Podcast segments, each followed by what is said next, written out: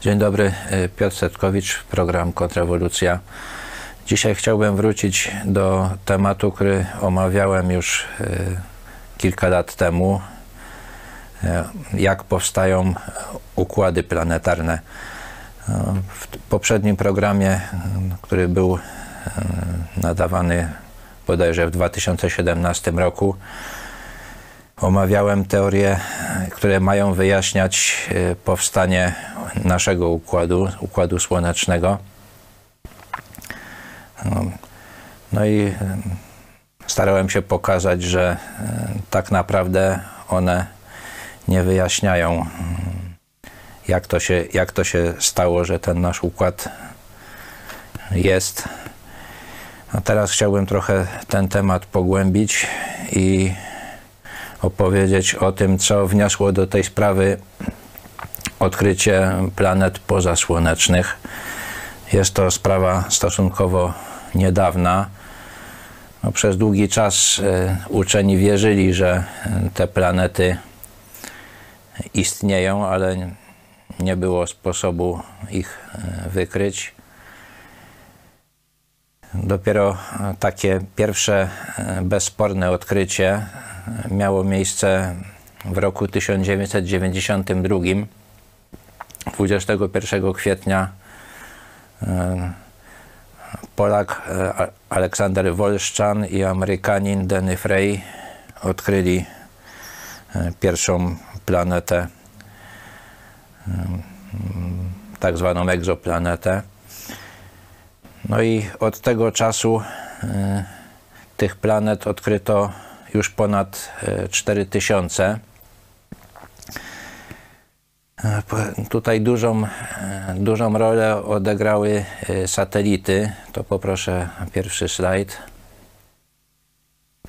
Tutaj no widzimy, co jest do, do przebadania. To jest nasza galaktyka. My jesteśmy gdzieś tutaj, to na, na tak zwanym ramieniu Oriona. To jest jedno z takich mniej ważnych ramion w naszej galaktyce.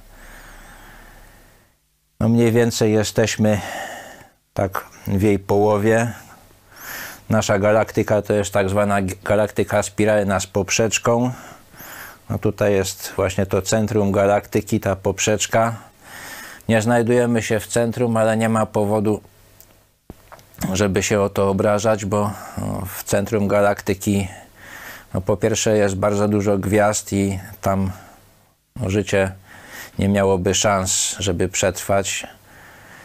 No po drugie, e, jak to zwykle w centrum galaktyki znajduje się tam czarna dziura, która może wszystko wciągnąć. Także to mm, nie jest zbyt przyjemna perspektywa. E, no i nasza galaktyka to jest taka galaktyka trochę większa niż, niż przeciętne. To jest, ona, ona ma kształt dysku tutaj, to jest, e, to jest jakby obraz tej galaktyki z góry. Ta średnica tego dysku to się tak ocenia, to jest między 100 a 120 tysięcy lat świetlnych. No i e, no tak jak mówiłem, to jest, to jest dysk on jest znacznie szerszy niż, e, jego szerokość jest znacznie większa niż grubość. Grubość tego dysku to jest tak około 1000 lat świetnych. No i w tym dysku naszym jest przynajmniej 100 e, miliardów gwiazd, a być może nawet 400 miliardów, z czego do tej pory udało się przebadać jakieś e, 200 tysięcy gwiazd, no i tak powiedziałem, na, na, że odkryto około 4000 tysięcy e, planet, które są skupione w prawie 700 układach planetarnych. No jeszcze zobaczmy, co jest, co jest do przeszukania. Poproszę następny slajd. No tutaj ten rysunek po tej stronie to jest rozmieszczenie galaktyk we wszechświecie. To astronomowie zrobili taką symulację, co by zobaczył ktoś, kto by mm, znajdował się odpowiednio daleko od naszego wszechświata. No więc zobaczyłby takie włókienka. Te włókienka są zbudowane już nie z gwiazd, tylko z galaktyk. Tak jak mówiłem, w naszej galaktyce jest co najmniej 100 miliardów gwiazd. No a ocenia się, że we wszechświecie jest co najmniej 100 miliardów galaktyk. No i one są rozmieszczone w taki sposób, są takie jakby włókienka, między tymi włókienkami są pustki. No i przypomina to y, układ neuronów w mózgu. No też y, niektórzy do, dopatrują się podobieństwa z układem krwionośnym. No, raczej nie wygląda na to, żeby taka struktura mogła powstać y, w wyniku wybuchu no ale to już taka uwaga e, na marginesie. Także na razie udało się ludziom przebadać e, naprawdę znikomo mały kawałek tego wszechświata. No i popatrzmy, czym to robiono. Poproszę kolejny slajd. No to jest mm, teleskop kosmiczny Kepler, który z tych 4100 planet, które e, poznano do końca roku 2019 wykrył 2600. On krąży po orbicie okołosłonecznej. E, działał przez 9 lat. W październiku 2018 roku zakończył swoją działalność i został zastąpiony przez radioteleskop TESS. Poproszę kolejny slajd. No tak on wygląda. No, w ciągu pierwszego roku swojej działalności TESS wykrył 29 egzoplanet. Także na razie trochę ma mniejszą wydajność niż, niż Kepler. Być może już już nie ma tylu planet do wykrycia w jego zasięgu. No ale zobaczymy, co będzie dalej.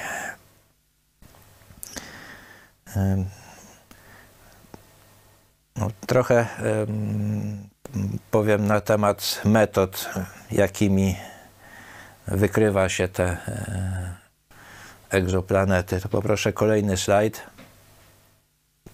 To jest metoda najbardziej skuteczna, tak zwana metoda tranzytu. Polega to na tym, że jeżeli planeta przechodzi na tle gwiazdy, no to powoduje, że jasność tej gwiazdy spada i to można zobaczyć. No tutaj jest taka sytuacja, że ta planeta jest bardzo blisko gwiazdy i rzeczywiście jak to później się okaże, to jest dosyć częsty przypadek. E, no i żeby taki, taką planetę wykryć, to jeszcze jest potrzebne coś takiego. No, najlepiej widać takie, ten, ten spadek jasności, jeżeli się jest na, na przedłużeniu tej linii, która łączy środek gwiazdy ze środkiem planety. No i no jeżeli, jeżeli ten teleskop, który to obserwuje, znajduje się na jakiejś takiej linii nieznacznie pochylonej względem tej, tej prostej właśnie przechodzącej przez, przez środek gwiazdy i środek planety, no to też coś zobaczy. No jeżeli jest bardziej odchylony, to, no to już nie zobaczy. Także to jest jednym z powodów, że, no, że z, tego, z tych miliardów gwiazd w naszej galaktyce na razie za przebadane uznano tak najwyżej wyżej 200 tysięcy. No jest jeszcze jedna metoda, no, no, jest kilka metod, no i tutaj poproszę o taką animację, to będzie lepiej to um, można zilustrować. No tak się mówi, że, że planety krążą dookoła Słońca, znaczy ogólnie dookoła gwiazdy, ale nie jest to do końca prawda, bo Gwiazda też orbituje e, wokół tak zwanego środka masy. Także jeżeli, jeżeli jakaś gwiazda ma, e, ma w otoczeniu swoim planetę, która ją okrąża, to ona też, też orbituje. No, w wypadku Słońca no to nie jest to e, taka no, ta różnica między, między środkiem ciężkości Słońca a, a tym punktem, wokół którego ono orbituje, to nie jest zbyt duża i to też w innych gwiazdach też nie jest zbyt duża, bo Słońce stanowi ponad 99% masy całego Układu Słonecznego, no ale mimo wszystko gwiazda też się trochę rusza.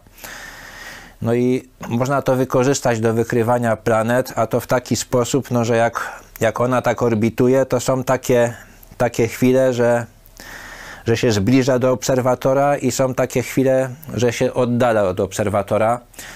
I wtedy można wykorzystać zjawisko Dopplera, z którym się każdy zetknął, jeżeli przejeżdżał obok niego jakiś pojazd. Że dopóki pojazd się zbliża do niego, no to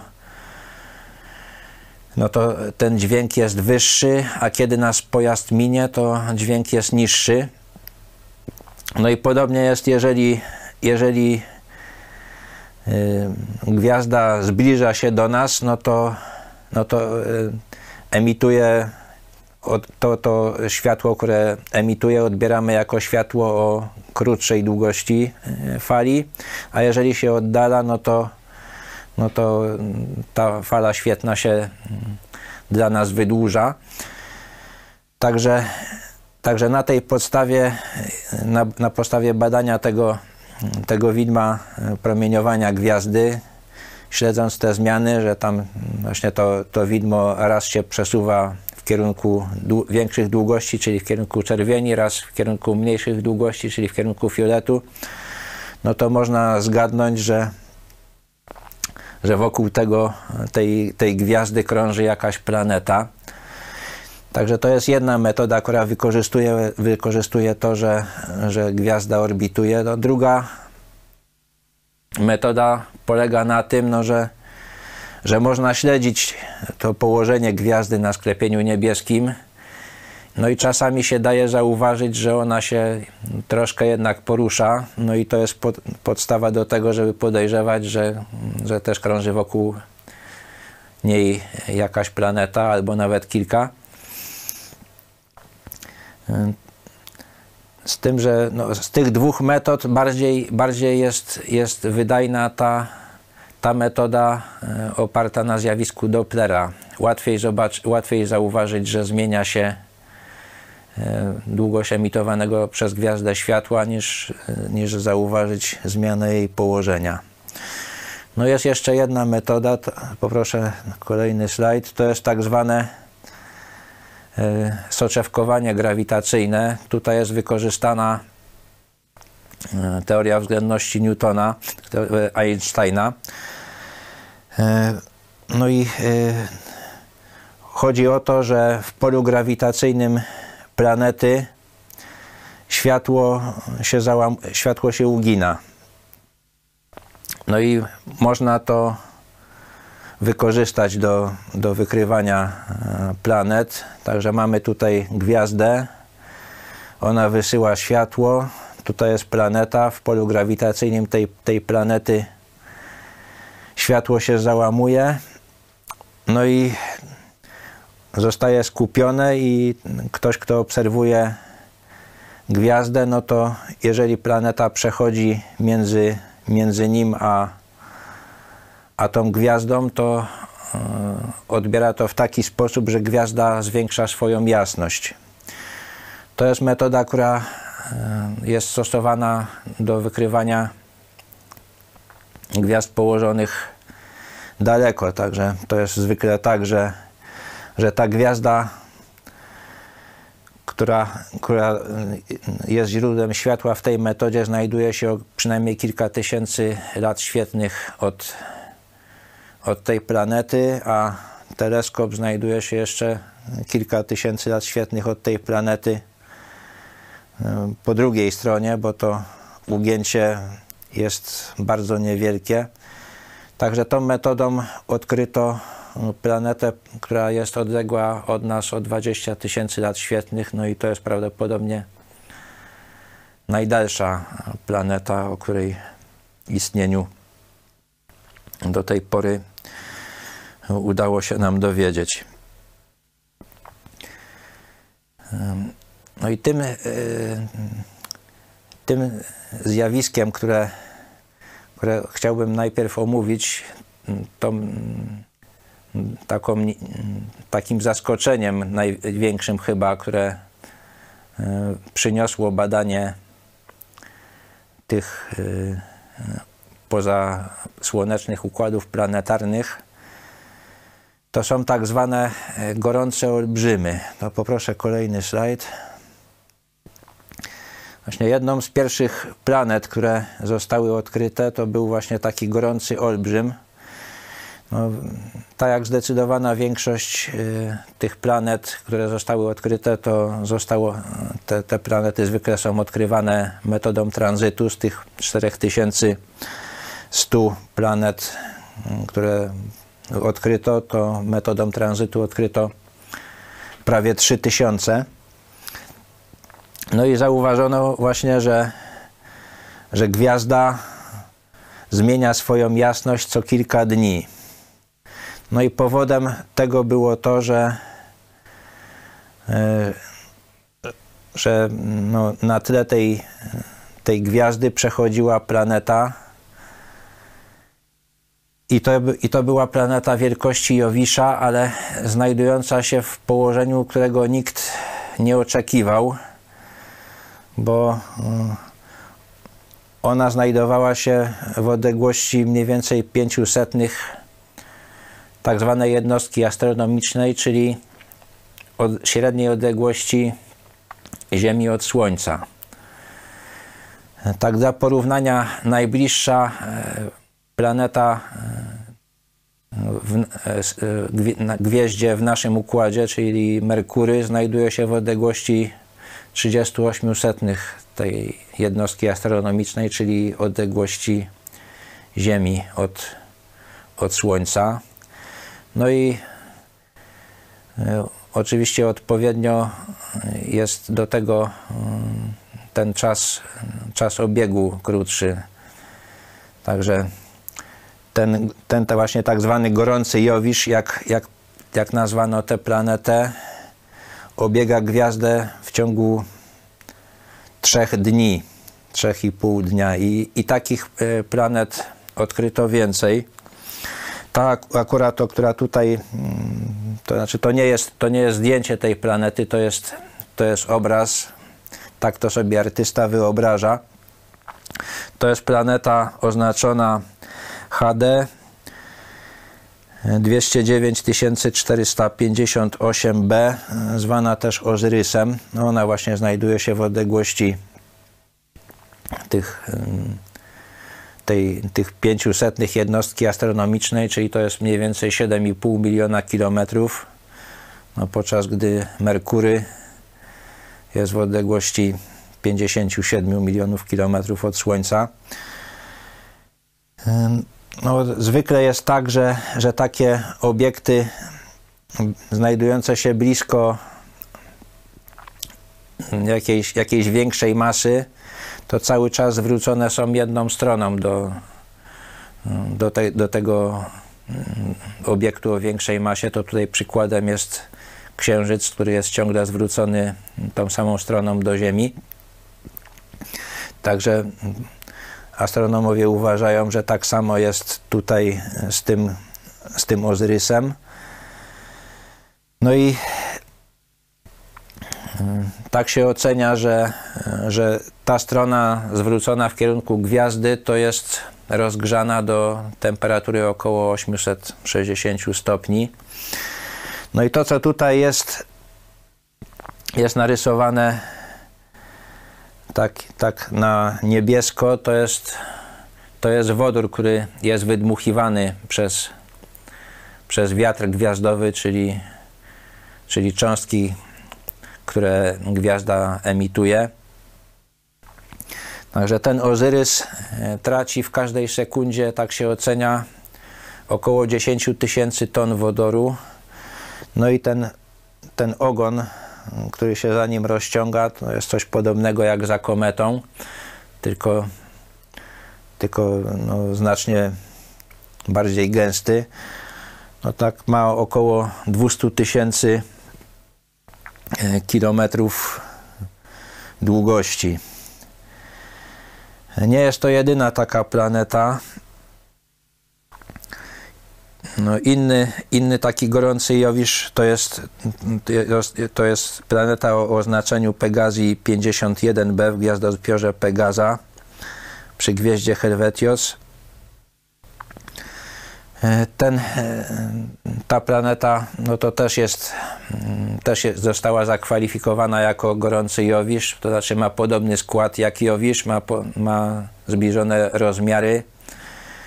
No, masa tego, tego mm, Pegasusa 51B to jest 47 setnych masy Jowisza. No i y, ona, ona jest jeszcze bardziej rozgrzana. Tam się ocenia, że ta temperatura od strony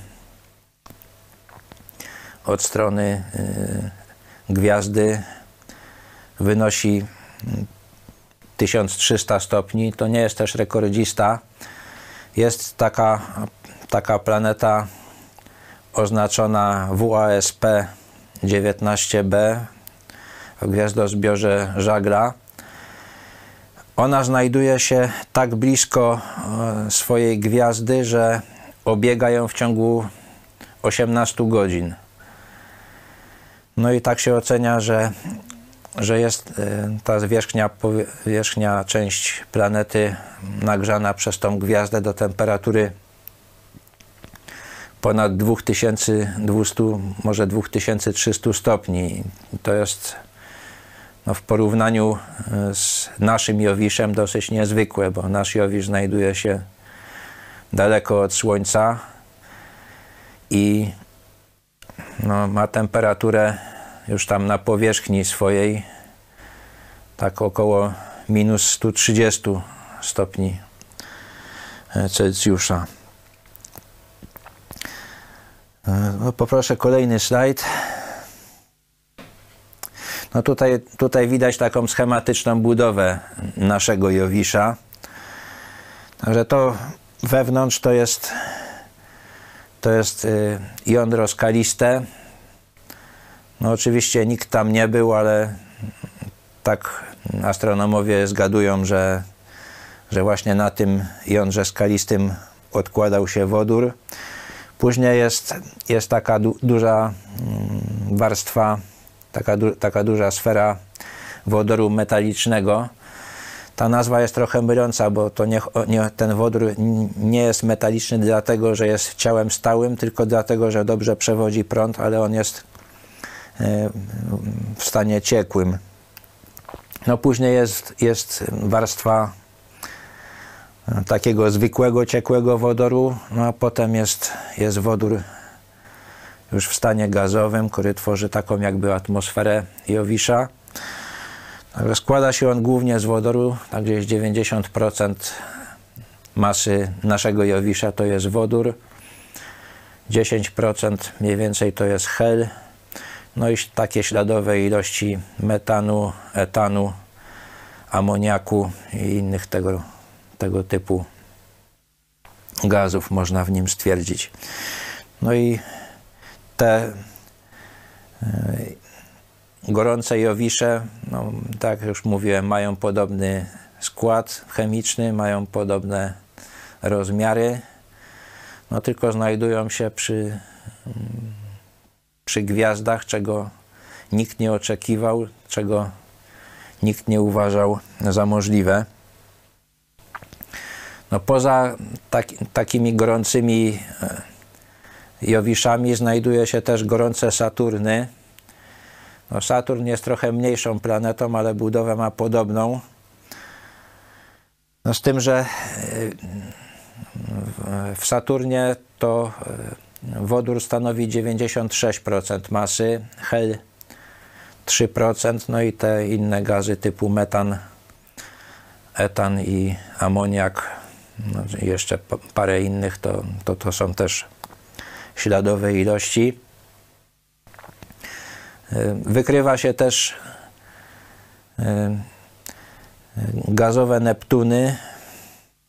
Neptun jest jeszcze mniejszy od, od Saturna, chociaż też w porównaniu z Ziemią to jest, to jest olbrzym, no i tak, tak też nazywa się te planety gazowymi olbrzymami. No tylko, tylko Neptun ma zawartość wodoru około 80% i około 19% stanowi e, hel. No też, też takie, też takie planety wykrywa się przy, przy gwiazdach. Także no takich, takich tych gorących, mm, gorących olbrzymów wykryto już co najmniej 10. No i chciałbym powiedzieć, na czym, na czym polega, polega ten problem i, i dlaczego, dlaczego to, ten fakt no, jest takim no, poważnym problemem dla, dla tych wszystkich, którzy uważają, że, że powstanie układów planetarnych da się wyjaśnić y, no, bez, bez odwoływania się do sił nadprzyrodzonych. Poproszę kolejny slajd. No tutaj tak e, trochę, trochę streszczę to, co mówiłem e, w tym programie o Układzie Słonecznym. E, według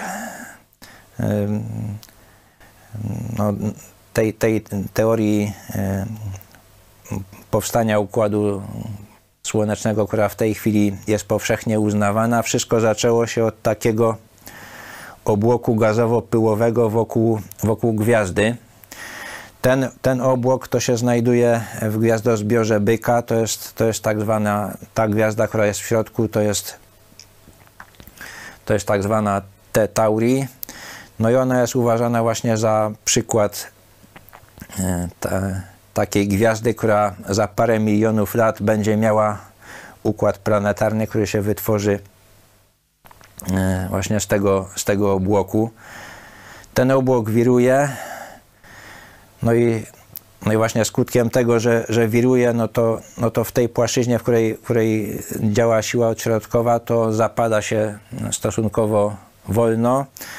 Natomiast w innych, w innych kierunkach zapada się szybko, także z obłoku robi się dysk, który następnie ma się dzielić. No, tak, tak też się uważa, że było w przypadku naszego układu słonecznego.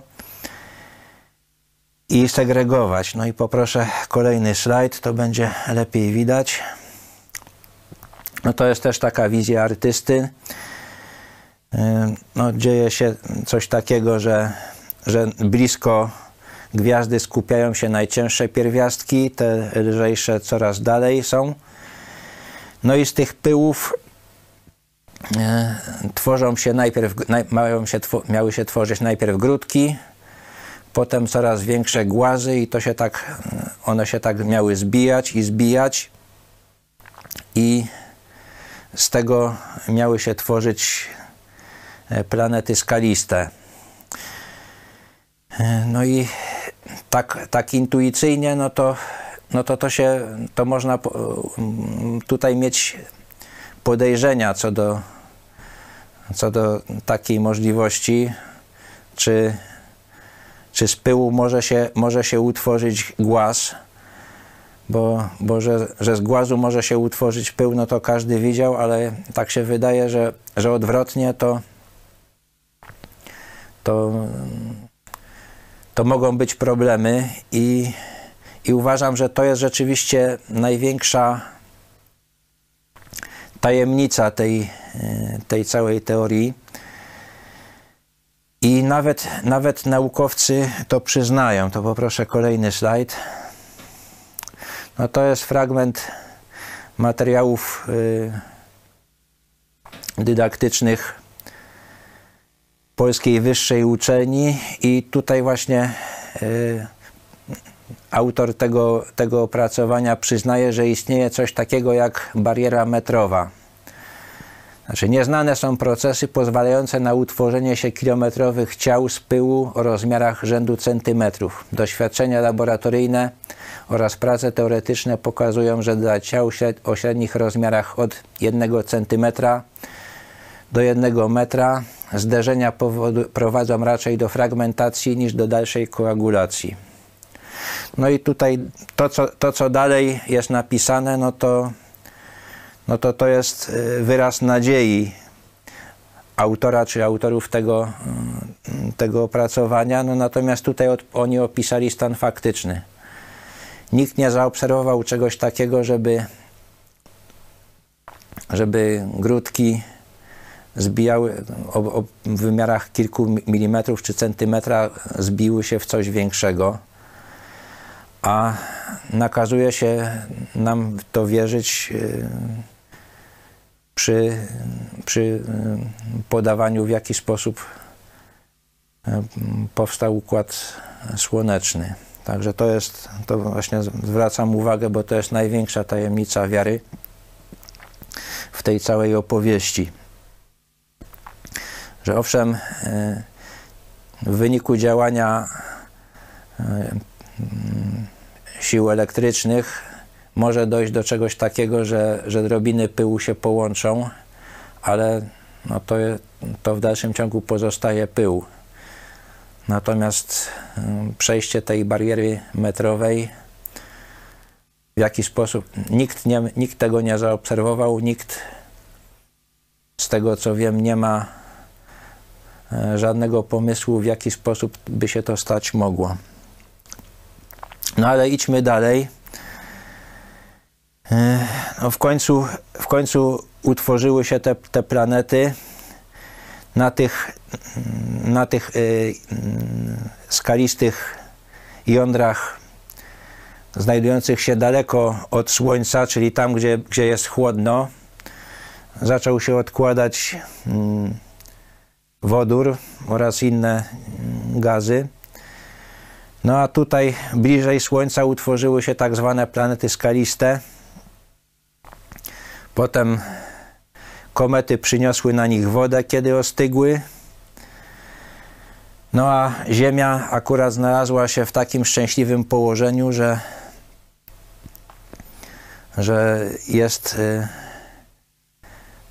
w, w takiej odległości od Słońca, że, że ta woda ani nie, nie wyparowała, ani też w całości nie zamarzała, no i dzięki temu możliwe było życie.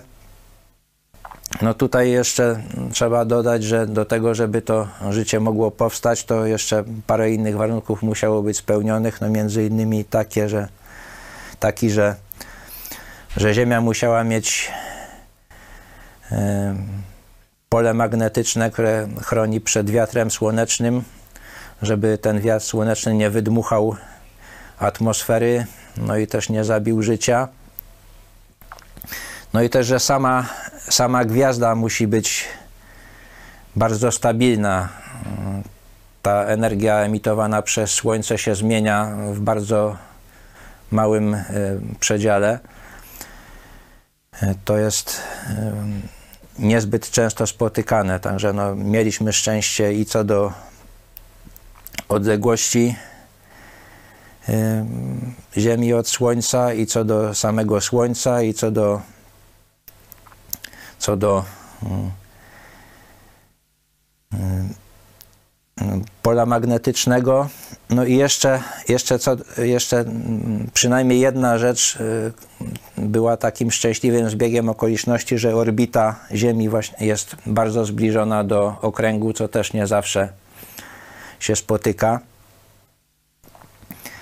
Także mówię o tym, żeby pokazać, że ten ciąg e, szczęśliwych zbiegów okoliczności, który doprowadził do powstania życia, to się nie zaczął w tym momencie, kiedy związki organiczne pływały w wodzie, tylko znacznie wcześniej. Hmm. No, Tutaj jeszcze, jeszcze w tych, jeżeli chodzi o te, o te gazowe olbrzymy, no to, no to też, też uczonym się nie, nie, pewne rzeczy nie zgadzają, bo, bo wydaje się, że, że Neptun powinien być przed, być za Marsem, a, a Uran za, za Neptunem, ale przed Jowiszem. No i powstają różne teorie, jak to one się przemieściły.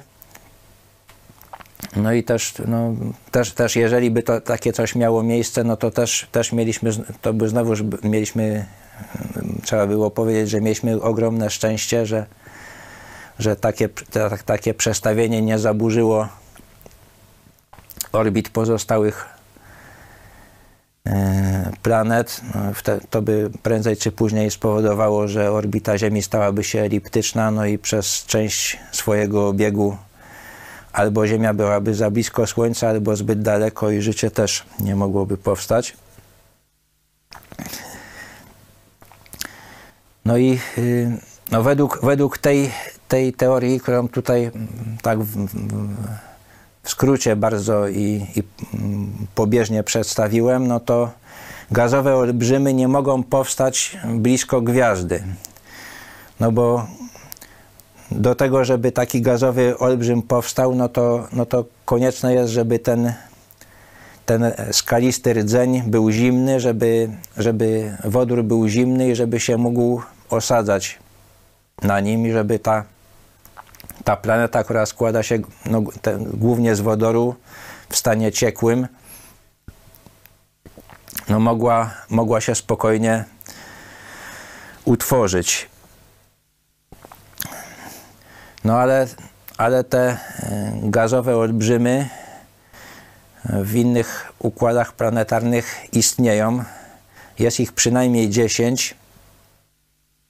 No i coś tym trzeba zrobić. Tutaj jeszcze trzeba o jednej rzeczy e, wspomnieć, no, że zgodnie z tą teorią tworzenia się układów planetarnych, którą przedstawiłem, to wszystkie planety powinny, powinny obiegać gwiazdę w tą samą stronę i to powinna być ta strona, w którą kręci się gwiazda, no bo skoro one powstały z jednego obłoku, no to, no to tak, tak właśnie powinno być. No tymczasem większość tych, tych gazowych olbrzymów obiega te gwiazdy w przeciwną stronę. No i to jest kolejna zagadka, której uczeni nie potrafią rozwiązać.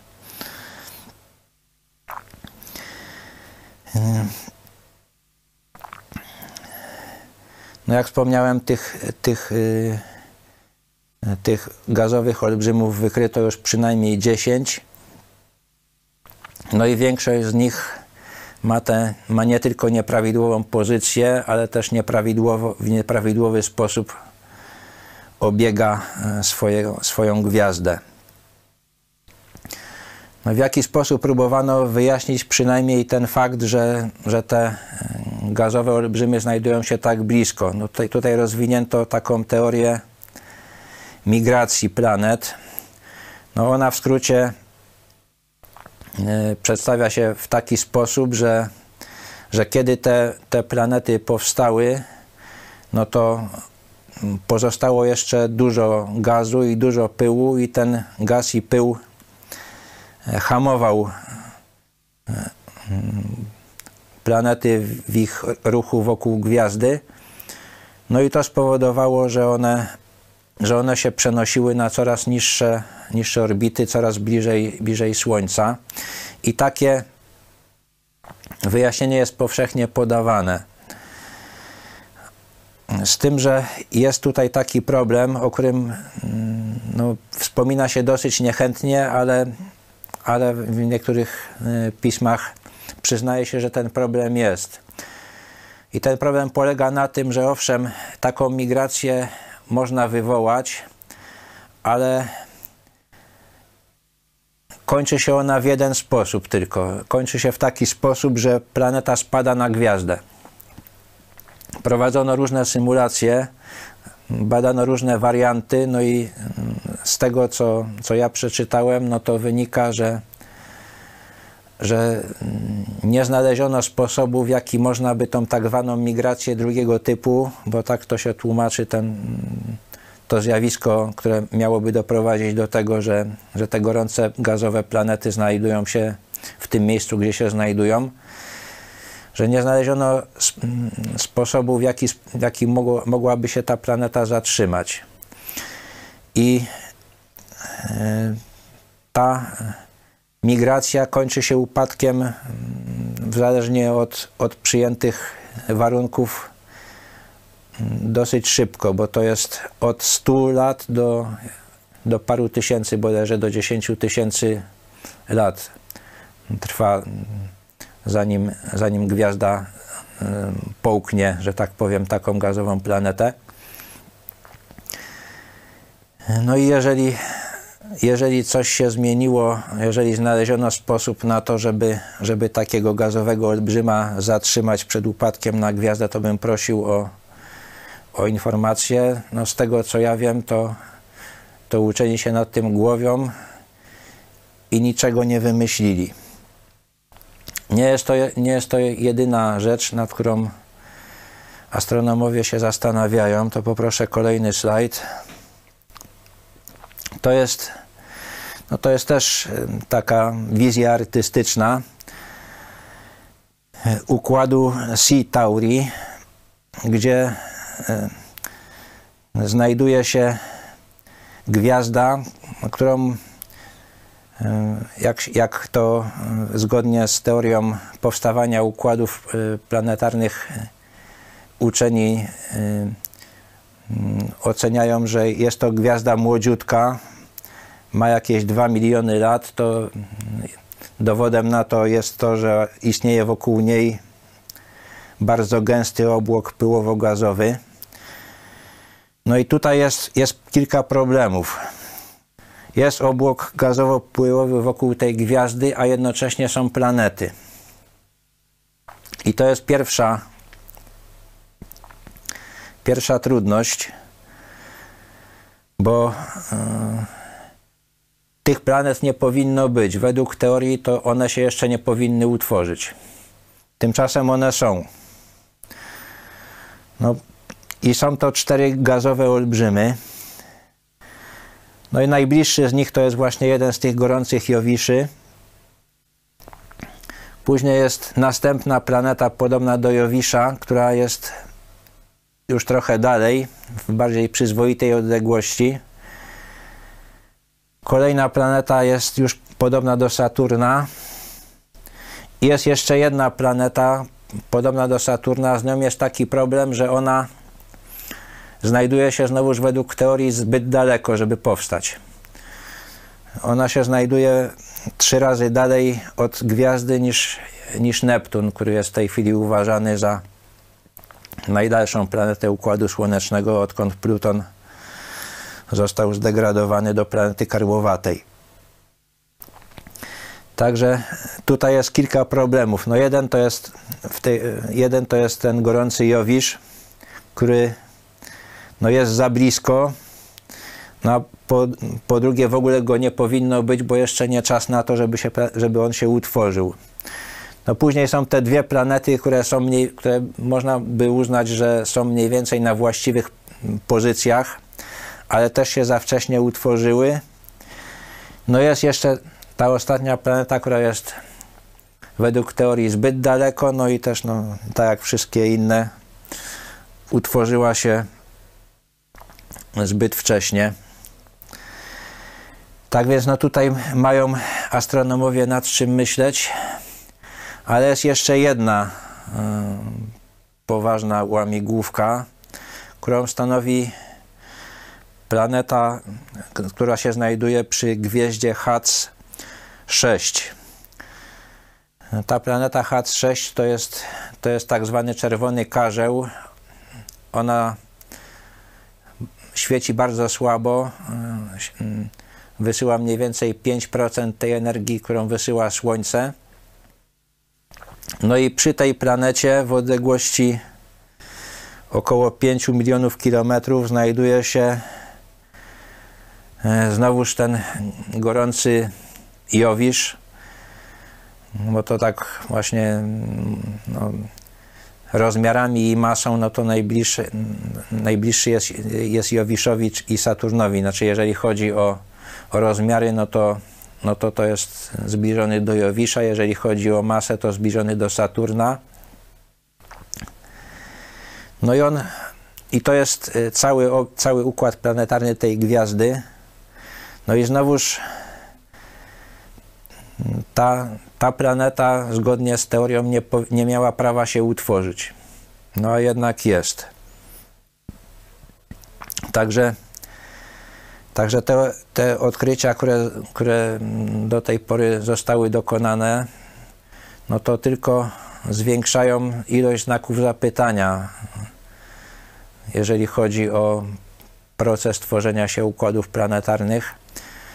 No i z tym szukaniem jakiejś, jakiegoś wytłumaczenia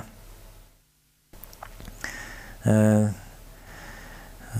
faktu, że te układy planetarne istnieją, to jest no coś podobnego jak, jak e, z szukaniem, z, z procesem szukania, który prowadził Puchatek szukając prosiaczka. Wchodził do tej jamki, w której prosiaczek powinien być, a im bardziej tam zaglądał, tym bardziej prosiaczka tam nie było. No, uważam, że jest to określenie, które dobrze oddaje istotę sprawy. No i tak chciałbym jeszcze, kończąc, podzielić się takim moim nienaukowym podejrzeniem, że, no, że Bóg w taki sposób rozmieścił te egzoplanety, ponieważ wiedział, że przyjdzie taki czas, że ludzie będą uważali, że, że ten świat powstał sam z siebie i żadna siła nadprzyrodzona nie była do tego potrzebna. No i rozmieścił je w taki sposób, żeby ludzie się jeszcze zastanowili. No, dziękuję za uwagę.